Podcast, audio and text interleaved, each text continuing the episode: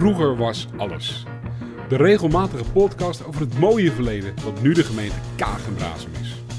Mijn naam is Patrick Deters en ik duik in de archieven van de Stichting Oud-Alkmaar, Stichting Oud-Lamuiden en Rijnzaterwoude en de vereniging Otto Cornelis van Hemessen om de mooiste verhalen eruit te vissen. Welkom bij Vroeger was alles.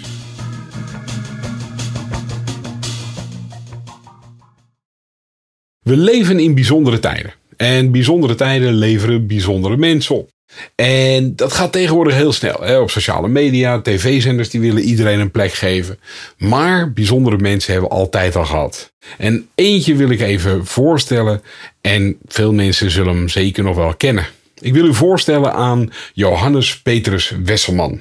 Hij is geboren op 23 maart 1898 in Alkmaar uit het huwelijk tussen Franciscus Johannes Wesselman en Agnes Cecilia van der Meer. En ik vond een heel mooi krantenartikel uit 1972 over hem, waarin wordt geïnterviewd. En de kop is gelijk al veelzeggend: Mooi weer is aan mij te danken. En deze Johannes Petrus Wesselman kennen we in de Veen eigenlijk vanwege één heel belangrijk ding wat hij voor elkaar heeft gekregen. En dat is namelijk fantastisch mooi weer. Het derde weekend van september. En in 1972 viert hij zijn zilveren jubileum. En als dank voor dat zilveren jubileum heeft hij in oktober ervoor gezorgd dat er een aantal weken mooi weer was. Kijk, dat zijn nog eens cadeautjes. Deze Jan, of Johannes, is beter bekend als Jan de Strijker.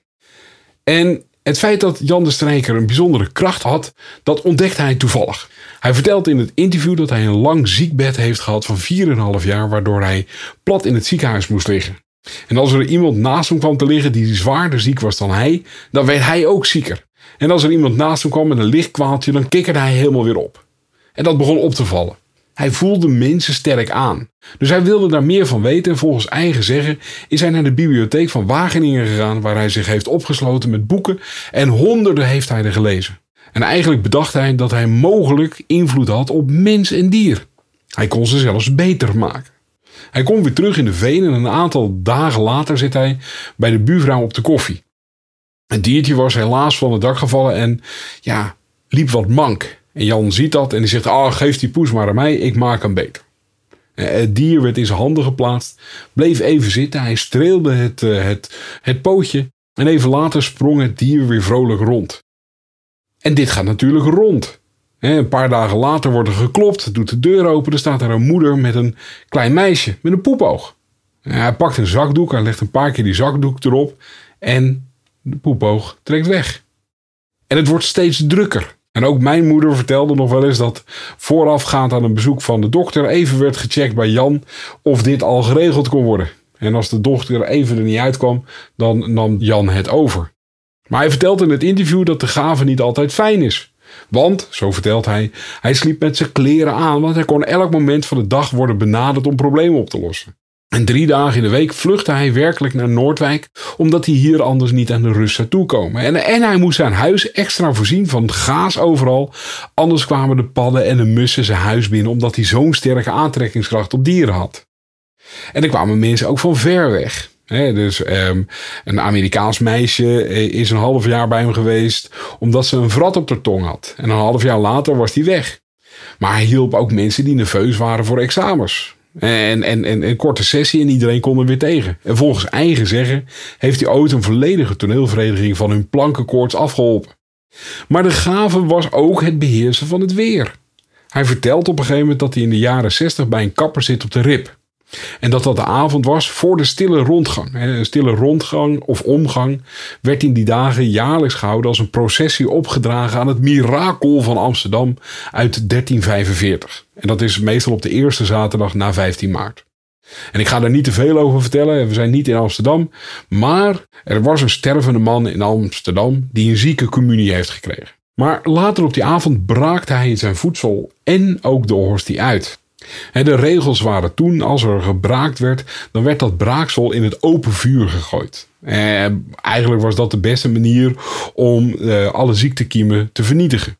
Maar de volgende ochtend vindt men de hostie zonder enige schade terug.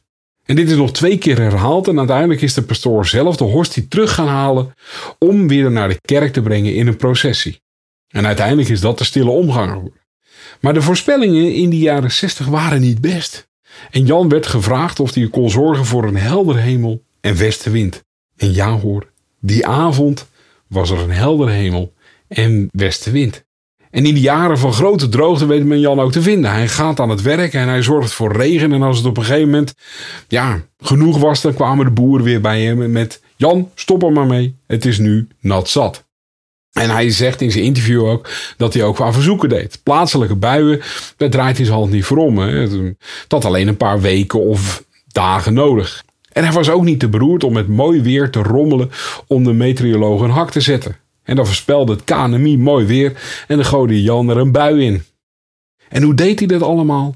Volgens zijn eigen vertellingen geesteskracht.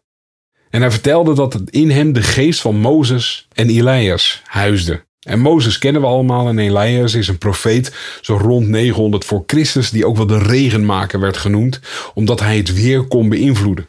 En Jan had daar een stukje van meegekregen. Het bekendste verhaal rondom Jan is natuurlijk het verhaal van de kermis in de Veen. Het is 1962 en de Oranje Vereniging zit met de handen in het haar. Eh, ze hebben een aantal verregende jaren achter de rug. En wat nu? Gaan we loodsen gebruiken? Gaan we tenten neerzetten? En tijdens wat we nu een brainstormavond zouden noemen, komt op een gegeven moment ook die, de, de naam van Jan de Strijker langs. En de naam komt langs en wordt met veel sceptisch en gelach ontvangen. Het verdwijnt direct weer van tafel. En later op de avond komen er wat biertjes en borrels bij. Er is blijkbaar weinig veranderd in de tussenliggende jaren. En ineens komt de naam van Jan de Strijker weer terug. Ja, moeten we toch niet iets gaan doen? En er wordt besloten dat de voorzitter met Jan een gesprek gaat voeren. En, dat, en dat doet hij. Jan, die de situatie helemaal begrijpt, spreekt met de voorzitter af dat hij voor 100 gulden ervoor kan zorgen dat het eeuwig mooi weer is bij de kermers op de voorwaarde dat dat in het derde weekend van september is. 100 gulden was veel geld in die tijd, dus het bestuur komt weer bij elkaar. Maar ja, wat hebben we eigenlijk te verliezen? Ja, behalve die 100, uh, 100 gulden. Dus laten we het doen. En het verhaal gaat dat Jan langere tijd aan de oever van de Brasem heeft gestaan met zijn handen in de lucht geheven om het nare weer weg te drijven van de Brasem, weg uit Roelevaarsveen.